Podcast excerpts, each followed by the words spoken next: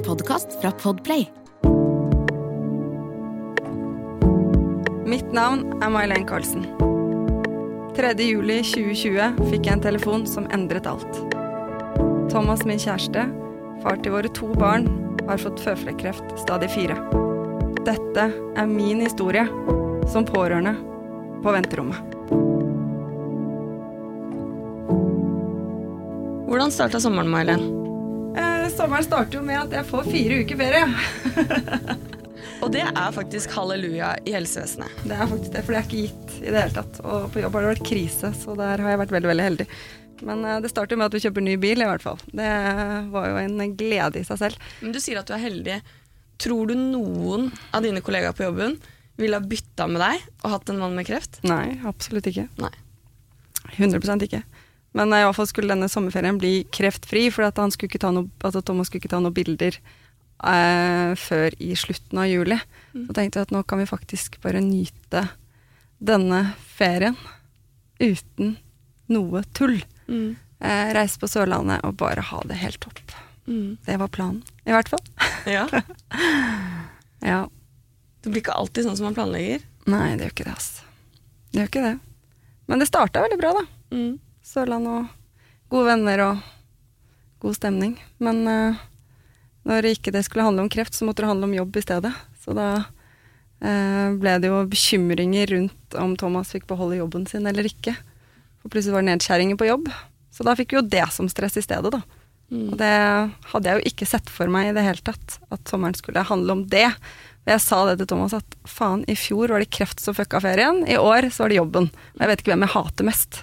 Og så fikk vi vite at det ikke var Thomas som skulle miste jobben. Og så plutselig var det han som mista jobben allikevel. Så det var veldig mye psykisk påkjenning med å vente på mister jeg jobben eller ikke, og så får du beskjed om at du ikke mister jobben, og så plutselig mister du jobben allikevel.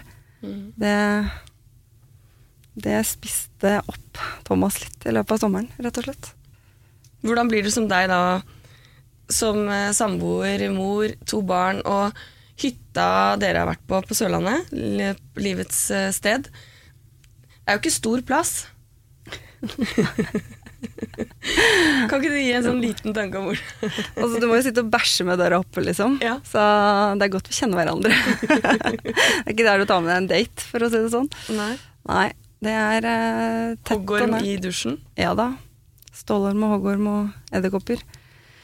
Klarte du liksom Hva var han sur fordi han er sur, vanlig sur Thomas, eh, vanlig samboer-sur, som alle er, men også når du vet hva han har i bakhodet, hvordan skal man da klare å lage en god sommerferie da, for alle, og samtidig se han, men samtidig si stopp når det blir for mye sutring fordi Vi kan jo ikke det heller. Du har to unger. Dere er du må jo på en måte også prøve å lage en god ferie, for det er som du sier, du har fire uker ferie, som er sommerferie. Helsevesenet, unikt at du har fått det.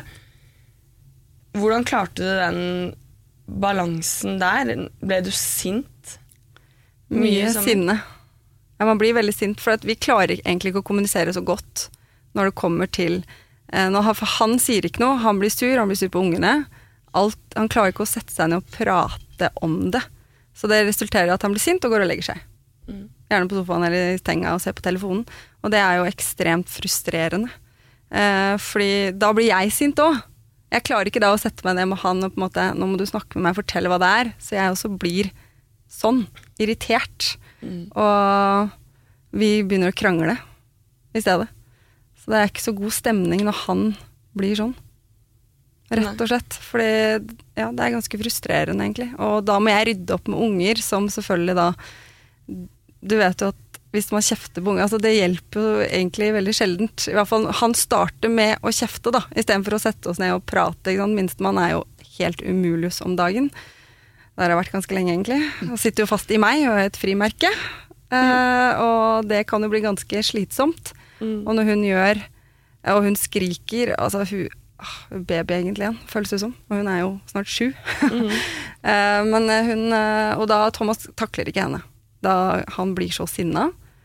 Og så blir jeg sinna på at han blir sinna, og så er jeg sinna på Eline òg. Så vi står egentlig bare og skriker til hverandre. Og så på verdens minste lille plass med naboer rundt. Så vi må til slutt gå inn på barnerommet og lukke igjen alle dører og vinduer. For at vi kjefter så fælt på hverandre.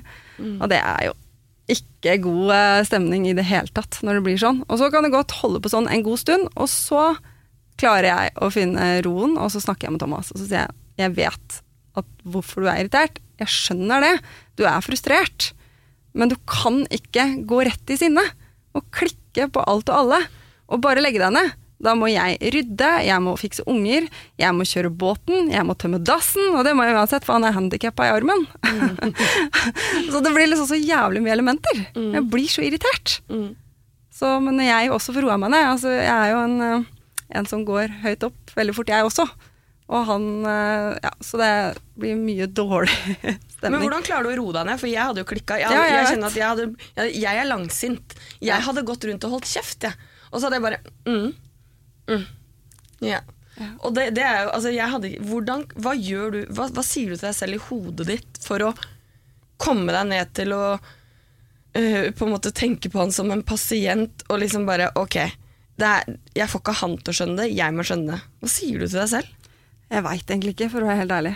Men jeg skjønner at hvis ikke jeg tar grep, så går den familien her i dass. Ja. Da blir det jo ikke noe hyggelig for noen.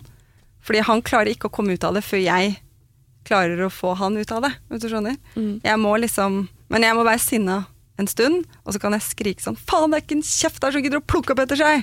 Sånn går jeg rundt og skriker, ikke sant. Til alt. Og så skjønner jeg jo det at eh, det er jeg som må roe meg ned, og som jeg snakker med Thomas, og så blir det en bedre dynamikk. Men jeg hadde jo en runde når vi var i Dyreparken, for da var Der er det bare toppstemning i Dyreparken. Der er det bare gøy. Og jeg anbefaler Jeg hadde med bobler i Abrahavn. Drakk av melkeglass. Altså det, det burde vært oppskriften, for det gud så hyggelig det ble da. Det var magisk. eh, Ja, men eh, du hadde i hvert fall rom, da. ja. Det hadde ikke jeg. Nei. Jeg turte ikke å ta med vin i sekken, det må jeg innrømme. Det hadde kanskje blitt litt feil. Men det hadde egentlig vært lønnsomt. Men da hadde vi egentlig hatt ganske dårlig stemning i forkant. Og han har ikke vist mye kjærlighet. Det har vært liksom lite sånn kjærestetid, egentlig. Eh, og så er han jo også Inni her så er han jo på en måte også slapp av medisinen han går på. Eh, så må jeg respektere det også, og gi rom for det. Men så er det det å skille mellom hva er slapphet pga. medisiner, og hva er på en måte det psykiske. Latskap. Og latskap. Så det er jo tre punkter, egentlig. Eh, men da hadde det vært mye sånn, så kjente jeg når vi var i Dyreparken, og det var egentlig ganske hyggelig, men når vi satt oss i bilen Nå husker jeg liksom ikke helt hva som utløste det, men jeg bare kjente at jeg ble så irritert på den. Og så kjente jeg at jeg begynte å hylgrine. Det bare eksploderte, og jeg grein. Fy faen, hva jeg grein.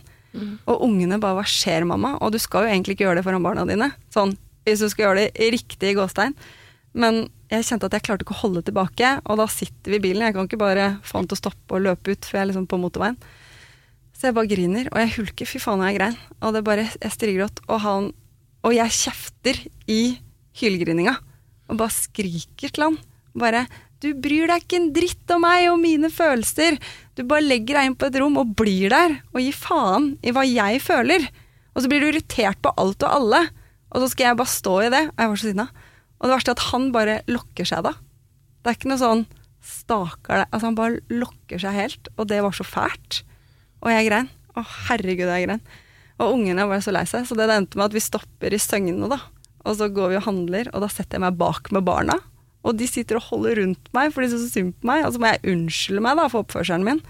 Og si at sorry, jenter, det, altså jeg skulle jo aldri i verden ha sittet sånn foran dere, men nå ble det litt mye for mamma. Mm. Og sånn er det. Og da trøsta de meg helt til vi kom fram til Mandal. Og så prøvde Thomas å ta bort på meg når vi kommer ut av bilen. Så håpet jeg skulle rekke å snakke litt med Thomas før vi da skulle på hytta med mamma og pappa. For det er jo like greit at stemning er ok når du skal ut til foreldrene og svigerforeldrene dine. Uh, men det rakk jo ikke. Uh, men jeg kjente sånn stryk, men jeg kjente at uh, fuck det jævla stryket. For at jeg trenger noe mer. Og så kom vi ut på hytta, men så inn i hytta så skjønte han vel at her må jeg gjøre noe. Og da fikk jeg en god klem, og så prata vi litt, da. Men uh, det er sånn som kommer over lengre periode med kjip Altså kjipe ting, da. Uh, så det er jo uh, grenser på hvor mye et menneske tåler.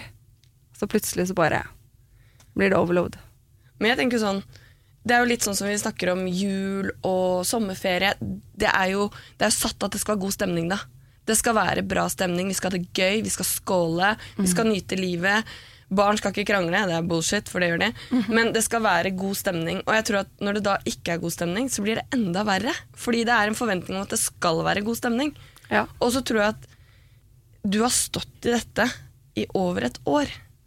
Og det er jo det som er viktig, tenker jeg, at eh, det skjedde ikke for fire uker siden eller åtte uker siden. Du går jo litt på akkord med deg selv over så lang tid. At man må tillate seg selv å sprekke. Og jeg tror også Det kan jo være mange tanker om det, men jeg tror det er godt for barn også å se at mamma Mamma er ikke en helt. Mamma, mamma klarer ikke å bare ta imot og ta imot. Ah, Det, det sier stopp til deg òg. Og det du er flink til, er jo at du snakker med dem etterpå. Men jeg tror det er godt for de også å kjenne at de kunne gjøre noe for mammaen sin i den bilen. Og holde rundt deg. Og, og faktisk få lov å være en del av sorgen med deg og frustrasjonen. Istedenfor å være årsaken til frustrasjonen, så fikk de lov å være med på at dere gjorde noe sammen som familie. da. Og så tror jeg eh, Jeg kjenner jo Thomas godt òg. Jeg tror at eh, jeg, jeg opplever på Thomas hvis jeg snakker med han om ting som er vanskelig. Hvis jeg snakker om moren og faren hans eller søsteren hans, så holder han kjeft. Og jeg tror at det er en, en mekanisme fordi det blir for tøft. Det blir for tøft å gå i det. For hvis han skulle stått i det, dine reaksjoner da, så jeg, tror ikke han klarte å se for seg hvordan han skulle gjøre det. Nei, det tror ikke jeg heller. Det er jo det han gjerne Han låser seg veldig. Så det ender jo med at man heller kjefter på hverandre. Men det er, lett, det er lettere. Ja. Det er mye enklere å ta det som er rundt deg. Av og det til er det litt godt å kjefte og bare skrike til. Det hender, det. det hender veldig ofte, skal jeg si deg. Vi gikk, vi gikk tur i skogen i går, og da ungene drev og gnåla og masa, og det endte bare med at vi skrek 'hold munn, snakk for det, ikke skrik så fælt', og så var det en mann som kom forbi. Han hørte jo deg og meg, han hørte Ja. ikke ungene. Så det var vi som bare tok full overload på høyt volum, liksom, i skogen. Nå er vi ganske høylytte òg, da. Ja. Ja, du er verre enn meg. Slipp men- den frosken før den dør, var liksom det han møtte, han der joggeren. Jeg jogger, sier jeg bare. Ja. Nei da. Åh, det er ikke så lett. Men uh, det er som du sier, det er jo greit. Jeg også er veldig for at barna skal se følelser og på en måte være en del av dette her. Fordi jeg hadde ikke orka å skulle skåne det hele tiden. nå tror jeg du blir gæren av det òg. Det er ikke så mange steder å gjemme seg, egentlig. Verken på hytta eller hjemme. Så du må på en måte kunne. Men jeg, får, men jeg legger meg ofte om kvelden og har dårlig samvittighet. For all kjefting som jeg vet er for at jeg ikke har kapasitet. Jeg har lite på energi. Så blir det mye sinne, frustrasjon, og gjerne da som går utover barna. Det er jo noe man sitter og har dårlig samvittighet for. Og det å få sånne utbrudd. Altså det er jo bra, men så får man også dårlig samvittighet over det også. For man vil jo ikke egentlig at barna skal se deg så sårbar, men så er det også bra. Så det er veldig sånn todelt, kjenner jeg. Jeg Ja. sliter litt med det. Ja. Men jeg syns det er veldig bra, og vi har jo vært åpne og ærlige med det hele veien, og det tenker jeg er dritviktig å snakke med de. Og så må vi kunne bruke ordet kreft, fordi det også hadde jeg blitt gæren av hvis ikke jeg kunne gjort det. Mm, Og det tenker jeg også er en god ting, da. Mm, At de er med på det, og det gjør jo at de er litt friere hjemme òg. Og hvis det er noe, så kan man liksom snakke om det, da. mm. Uh, og det er helt greit. Sånn som nå som man måtte inn og uh, kosmetisk operere halsen også, så ble det jo mye følelser, i hvert fall for minstemann. For jeg tror hun relaterte litt til fjor, Mm. men det var rom for absolutt å skulle reagere på det. Fortalte du da at nei, nei, jenta mi, det er faren din. Han er den første i familien han som har tatt plastisk operasjon. Ja. Så ikke tenk på det. Jeg er veldig misunnelig. Han, han eh, driver og fikser på utseendet, han jenta mi. Som et godt rollemodell, en god rollemodell, så har han fiksa på utseendet. Man sa jo selv, da, for de snakka først om å fettsuge halsen. Ja. Eh, For det var litt fett i og med at de henta da muskel fra ryggen i den operasjonen i fjor. Ja. Eh, og så Han er jo ikke den tynneste mannen, på en måte. Nei. Han er jo, har jo litt eh, på kroppen, og det er jo bare deilig, det. Ja. Men eh, da tenkte de å fettsuge, og sa han skal ikke fettsuge litt lenger ned og når de først er i gang! Men da ble det ikke fettsuging, da. Nei. Men det var litt sånn jeg først ligger på dette bordet, vil ikke bare ta litt til. Litt på høyre side her, Gudrun. Litt rundt forbi. Men jeg skjønner jo For dem så husker man sykehusopphold for, i tre uker i fjor. Eh, det er jo veldig lett å relatere til, eh, og det er jo det som nå ikke sant, Thomas med kreft Altså du eh, Faren min har kreft. Svigerfaren min fikk beskjed om kreft eh, forrige uke. Du, du relaterer jo da til historier du har hørt om, selv om alle er forskjellige. Alle historier er unike, og alle historier ender ikke dårlig. Men du får jo Følelsene bare flasher tilbake. Og jeg tror det er det som er med, med jentene også, at uh, vi har så mye følelser i oss, og så er det vanskelig hvordan skal vi kommunisere det, og spesielt når det gjelder jo ofte også menn, kanskje. Jeg syns det er vanskeligere å snakke om de vanskelige tingene og følelser.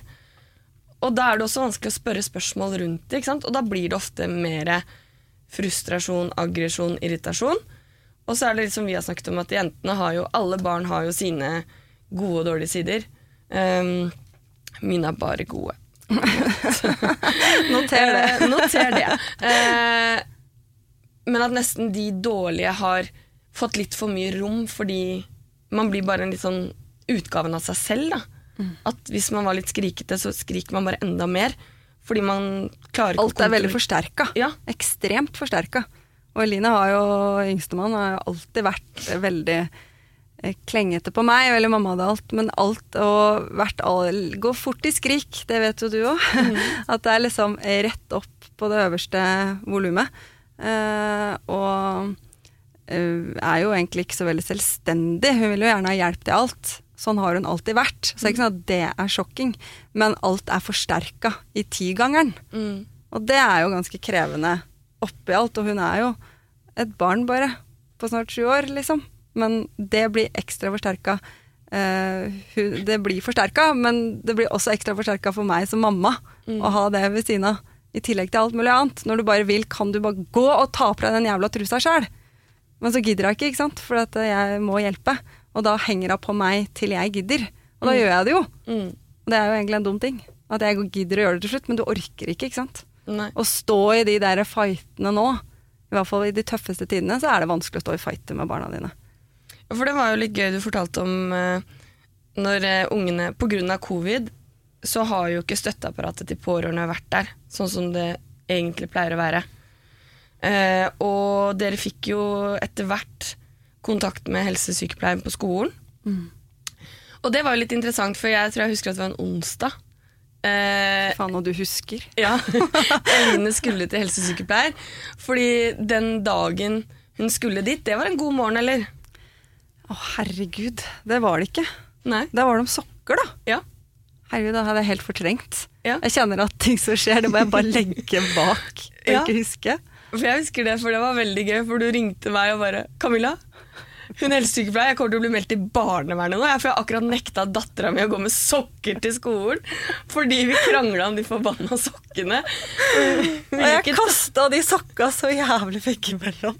Jeg var så forbanna. Jeg husker ikke hva som ble sagt, men det, det var noe Altså Hun ville jo- ikke ta på seg sokker. Ja, jeg vet det, men hun kommenterer jo med at mamma nekter å ta på meg sokker. tenker jeg, Denne samtalen hos helsesykepleier, det kan jo bli ekstremt eh, interessant Ja. å høre. Men heldigvis visste hun om situasjonen, så mest sannsynlig så skjønner hun at det ikke er en slem foreldre som nekter barnet mitt å ta på sokker. Men eh, ah, ja, hjelpe seg. Ja. Stemmer det. For familien blir jo litt sånn utlevert for samfunnet når, når, eh, når en er syk i familien. For alle vil jo på en måte ta litt del, da. Det vil jeg si. Hvordan var det i sommer på hytta da med mamma, pappa og søster og en eh, litt deprimert mann? Ja. Er det sånn det. klarer, klar, Føler du at de andre i familien klarer å se hva som er Thomas og hva som er sykdom? En, du klarer jo ikke helt du heller, så det er jo ikke så lett.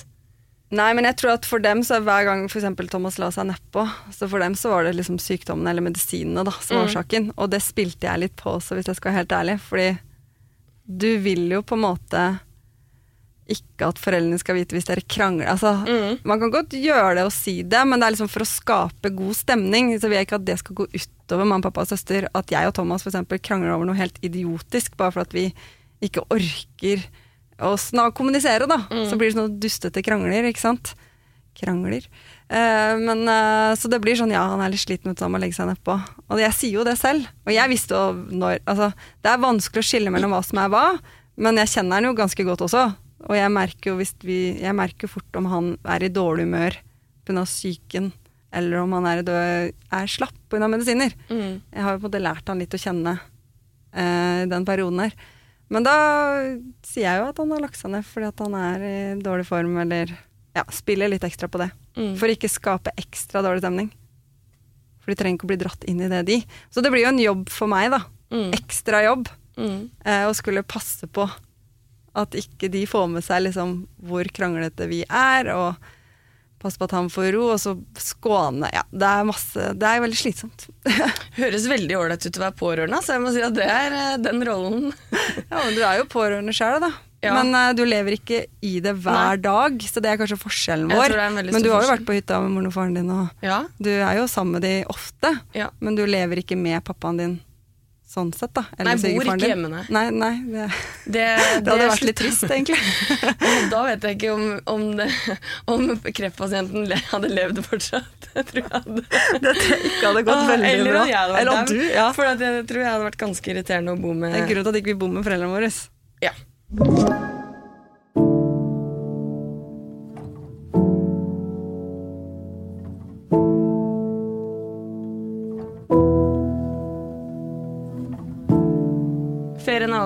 Ja. Dere sitter i deres råddigge bil på vei hjem fra hytta. Lekre nye bilen vår. Ja. Ja. Fordi dere, hvorfor dro dere hjem Nei, altså, vi måtte jo Eller, vi var litt sånn usikre siste uka i juli. Vi har fortsatt ferie, men Thomas måtte hjem til den fredagen uh, for å ta skann. Uh, Ja, for det gjør han hver tredje måned. Hver tredje måned er det scan, og nå var vi jo heldige og fikk det helt til slutten ikke sant? av ferien. Takk Gud. Og da visste vi at svar kommer to uker senere. Så da visste vi at ikke det skulle ødelegge denne ferien. Mm. Eh, Så vi måtte jo hjem til det, og så drar vi hjem litt før også med tanke på jobbsituasjonen til Thomas. Eh, Men så på vei hjem i bilen den mandagen, så ringer det jo faktisk fra Riksen og spør om han kan komme inn og ta For han må kosmetisk operere. Eh, Og spør om han kan komme eh, spontant inn. For han må kosmetisk opereres på halsen fordi første operasjon for et Ja. år siden så tok de grovt i for å være sikre. Ja. Og så nå kan han få lov at de kan redusere litt, så ikke han har en svær klump på På halsen. halsen, ja. Eh, så da spør de om han liksom er kan da i første uka i august. Eh, og da tenkte jeg at eh, det er jo veldig positivt hvis han kan det, fordi da må jo han ha svar på bildene Ja, ja, før det. For vi er jo da allerede satt opp på time mandag 16. august. Er jo, for det er sånn ca. to uker etterpå. Eh, for å få svar på de bildene. Har ikke du bursdag 16. august? Det stemmer, det. Ja, Takk. Gratulerer med den. Jo, takk. Ja. jeg tenker at det er god karma, da. At det er bursdagen min. For første muligheten var faktisk fredag den 13. Og det ser jeg var helt uaktuelt å få svar fredag den 13. så det kunne ikke bare drite i. Eh, så sier han det i bilen at han kan, kanskje kan få operasjon da. Men vi glemmer jo egentlig å spørre eller si fra at han venter da på svar på bilder. Så vi ringer opp igjen og sier at er ikke det vesentlig å vite om kreften er tilbake før du skal kosmetisk operere? Og da sa jo de jo, jo, selvfølgelig må vi jo vite det. Og da tenkte jeg yes, da er faktisk mulighetene for å få litt hurtig eh, eller fortgang i ting, da. Eh, og så kom jo den uka i august, da, og de sa at de skulle ringe liksom tidlig den uka for å gi beskjed om det blir operasjon. Man skulle legges inn onsdag og opereres torsdag. Eh, og så ringer det da på tirsdag, og da tenkte jeg nå får vi svar. Eh, nei da, de sjekker jo bare halsen! Greia er at han tar jo bilder fra hodet og ned til knærne. Og halsen, der hvor han allerede har fjernet ekstremt mye, der skjønner jo vi at ikke det er noe kreft anyway. Ja. Så vi får faktisk bare ikke noe svar. Vi får svar på halsen. Og så blir jeg litt sånn Har de egentlig sett på alle bildene? Eller har de sett liksom Vet de noe vi ikke vet? Ja. Eh, tenker de ikke over hva de sier? At vi har sett på alt, og vi ser ikke noe, men vi fokuserer på halsen. Altså Det er litt mindfuck, det alt det greiene der. Eh, så man begynner å tenke fælt, da. Men eh, vi får egentlig da bare svar- svar på om det er noe kreft i halsområdet, og det er det jo ikke. Det var jo veldig bra, men det regna jeg egentlig med. At ikke det skulle være noe der. Så vi må fortsatt da vente til mandag 16. august Ja. før vi får svar. Så da må vi fortsatt Vente. eh, vente, rett og slett. Hva får dere svar på? Mandag 16. august. Eh, vi får rett og slett De bildene vil jo vise om det er kreft i kroppen, og om medisinene har funka. For han går jo på veldig bra medisiner. Eh, men det er 50-50 sjanse for at medisinene skal funke i det hele tatt. Så det er jo egentlig det vi får svar på, da. Så Og de medisinene kan han stå på i ett år. ja, og etter et år så må han ha pause. Eller så blir han immun, rett og slett. Så det blir veldig veldig spennende å se. Men er de medisinene eh, han går på nå, er de for å gjøre ham frisk? Eller er de for å stagge kreften så den ikke skal komme tilbake så fort? Spør du meg, så spør jeg deg. Ja. Det er litt sånn usikker, egentlig, for helt ærlig, for de har ikke sagt så veldig mye om det. Jeg har Mm. prøvd å spørre, og det er liksom ja, det er 50-50 sjanse om de funker, og så må han ha pause etter et år, og det er en aggressiv kreft. Så det er litt sånn uh, Hva gjør vi etter et år, hvis dette faktisk holder seg borte et år? Og de sier jo at Men de har sagt at sannsynligheten for at det kommer tilbake igjen, er jo veldig stor, for det er en aggressiv hissekreft, liksom. Mm. Så det er litt sånn vanskelig å si. Det er Hvis du skjønner? Ja, det er det. Jeg sliter litt med det selv, og så vil du være positiv i tankegangene og tenke at dette her skal jo Man ønsker jo at det skal bli borte for alltid. Mm. Men eh, man vet jo at det sannsynligheten er jo liten. Altså, det er så vanskelig. Jeg syns det er dritvanskelig. Mm. Jeg er ikke Ja. For dere fikk jo her til jul, så fikk dere jo Da fikk han et tilbakefall Mm. På halsen, hvor de opererte ham på nytt. Men da tok de også bilder, og så husker jeg at de, de så at det lyste noe i brystet. Mm. Og da fikk dere jo egentlig en veldig klar beskjed, typ lille julaften, Mm. at hvis det her er kreft, så kan vi ikke redde deg. Mm. God jul. Yes. Gå hjem til familien din. Det er julaften i morgen. Ja. Um, og, og for meg så var jo det Så tenker jeg De gjorde jo ikke noe med det dagen etter, for det var julaften. Men du får en sånn beskjed lille julaften med to små jenter hjemme. Eh, dere skulle feire med svigerforeldrene dine. Mm. Og jeg husker at den julaften ble jo ikke sånn som planen, fordi han havna jo faktisk på legevakta i fire timer av det man egentlig ser tilbake på som et angstanfall, nesten. Ja, altså, det var egentlig det jeg tenkte. Eh, og som han var litt enig i etterpå, men det viser seg at han hadde nyrestein nå, da. Ja. Så en god blanding der, altså. Mm. Så han har jo slitt med nyrestein nå, oppi dette her. Så, men det var nok eh, også psykisk ja. For, det gikk jo, for det, var ikke, det gikk jo et par uker før han fikk svar på at det ikke var kreft i brystet. Ja, og det er jo det som egentlig har skremt meg litt nå, at du fikk den beskjeden. For jeg er veldig for at de skal være åpne og ærlige med oss. Det er det beste de kan gjøre. Men allikevel så blir jeg skremt av det. Fordi nå er jeg da redd for at det skal komme tilbake på steder som du ikke kan operere. Sånn som da brystet. Og det var jo snakk om lymfe i brystet. Mm. Og jeg skjønner ikke at ikke det kan opereres. Men det er jo for at ikke jeg skjønner det her. Uh, men det gjør jo at jeg er jo redd for at det da skal komme til områder som ikke kan opereres. Mm. Eh, så det er jo Men håpet er jo selvfølgelig at ikke det er noen ting der, og at medisinene faktisk har funka. For han har jo vært dårlig av de medisinene. De er jo ekstremt eh, heavy for kroppen. Mm. Eh, så han måtte jo Han fikk jo full dose første gang han fikk medisinene, og så ble han jo dritdårlig. Han var i sengeliggende i over en uke med høy feber. Han funka jo ikke, stakkars.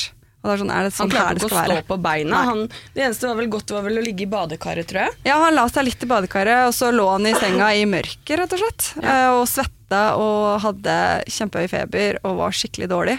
Tenkte jeg, fy fader, er det sånn her det skal være i et år, liksom? Og så kom jo det spørsmålet inn at hvis ikke du tåler medisinene, så må du veie for og imot om bivirkning er verdt det eller ikke. Men heldigvis så kunne de jo, så måtte han kutte det ut da i en uke, vel. Og så kunne han begynne igjen, men da starta vi i mindre doser. Og så fikk han en kortisonkur. Ja, og så fikk han kortisonkur sammen. Han går fortsatt på det annenhver dag. Han har trappa ned, så han har liksom gått trappa opp på medisinene, eh, kreftmedisinene, men trappa ned på penicillonen, da. Eh, Kortisonmedisinene. Og det har funka. Mm. Men uh, han er liksom Han er mye bedre. Han er Mm. absolutt uh, mye mer fungerende. Men han er uh, Han har lite energi til tider, og det er ikke så rart. Nei. Men heller det, da. Og så litt vondt i ledd og sånn. Som gjør at det kan være litt vanskelig å stå opp om morgenen. Men, Men, heller det ja, er du gæren? enn så dårlig som han var. Herregud. Er du gæren? Jeg husker det jo. Men da må vi håpe at det har vært verdt det òg, da. Mm. At medisinen har funka. Men, men vi er jo litt sånn Du og jeg vi har jo brukt hverandre som en arena til å faktisk si hvordan ting er. Fordi du nevner det jo ofte her nå at eh, vi må tenke positivt. Du snakker positivt til familie, du snakker positivt til barn. Man snakker positivt Når folk spør hvordan har du det, så sier man 'jeg har det bra'. Og det er jo tungt det at når du inni deg sier at du er drittredd, og, men du skal utad late som at dette går bra, vi har trua. Den der, Det tenker jeg det er vanskelig som pårørende, den derre balansegangen der. Å skulle uh, på en måte opptre for samfunnet sånn som vi forventer at du skal opptre, men samtidig sitte med de følelsene inni deg av at du er redd. hva skjer. Man kan begynne å tenke på Ok, blir jeg aleine? Hvordan skal jeg gjøre det og det? Altså man blir jo, Vi menneskene er jo veldig rasjonelle. Vi, vi tenker jo mye, og vi, ø, om kvelden får vi mye tid. Og så kommer alle disse tankene som vi ikke har lov å tenke. Det, det har jo vi snakket litt om, at det er vanskelig. Det er veldig vanskelig. For jeg er jo egentlig en åpen og ærlig person, men jeg føler at hvis jeg skal si at det går ikke så bra, så føler jeg at jeg må forsvare det. Og da følger det med seg en hel historie, hvis du skjønner. Eh, og det er jo litt eh, med tanke på det, er jo når jeg kan juble over at Thomas er kreftfri på bilder, så blir folk så glade. Og det er jo så bra, men greia er at han er jo ikke frisk allikevel. Eh, så det er så vanskelig, fordi jeg vil jo glede meg over det med andre som blir glad på våres vegne. Men så er det ikke bare bare å være kreftfri heller. For han er jo ikke erklært, erklært frisk heller. Og så er det da medisinene som også gjør han syk. Og det er jo liksom vi også har snakket om at en som har kreft som ikke kjenner det engang, er friskere enn han som faktisk er kreftfri, men som blir dårlig av medisinene. Så det er liksom ikke bare bare hjemme. Og så er det jo mye psykisk oppi dette her også som gjør at det Det er ikke så lett, da. Men det er mye enklere å si at jo, det går bra.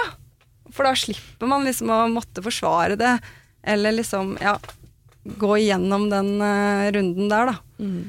Så det er jeg syns ikke det er, det er vanskelig, men det er jo deg jeg ventilerer til, da. Det er veldig godt å ha deg sånn sett, for det, det er mye frustrasjon ute og gå.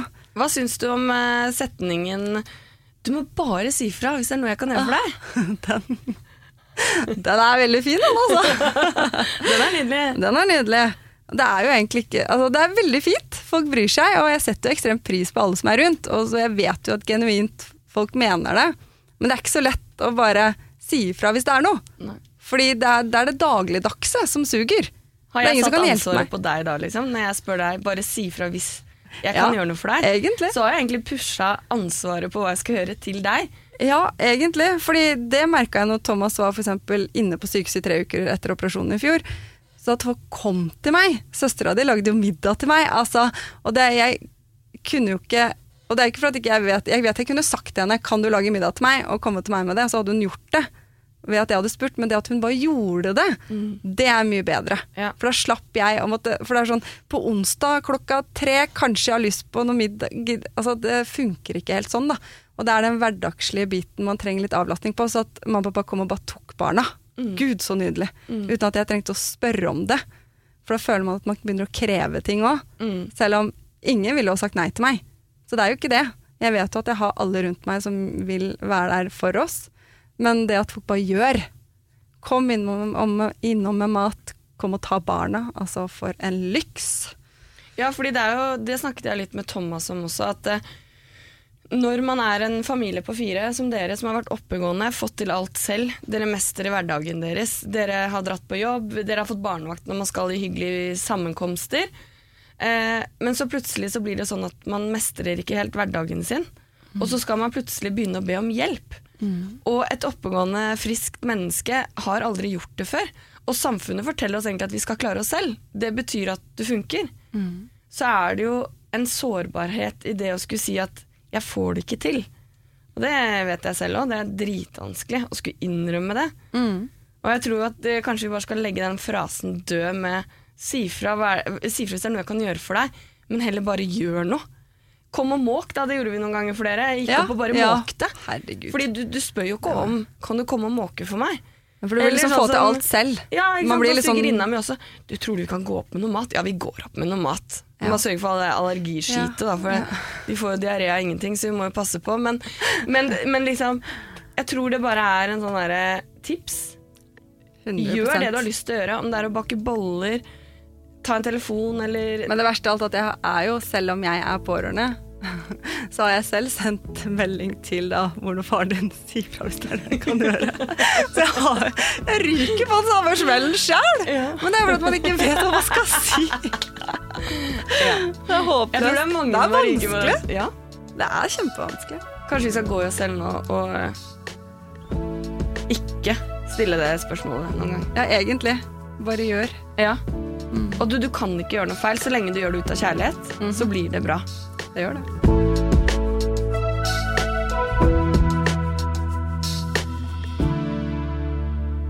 Du har hørt en podkast fra Podplay. En enklere måte å høre podkast på. Last ned appen Podplay, eller se podplay.no.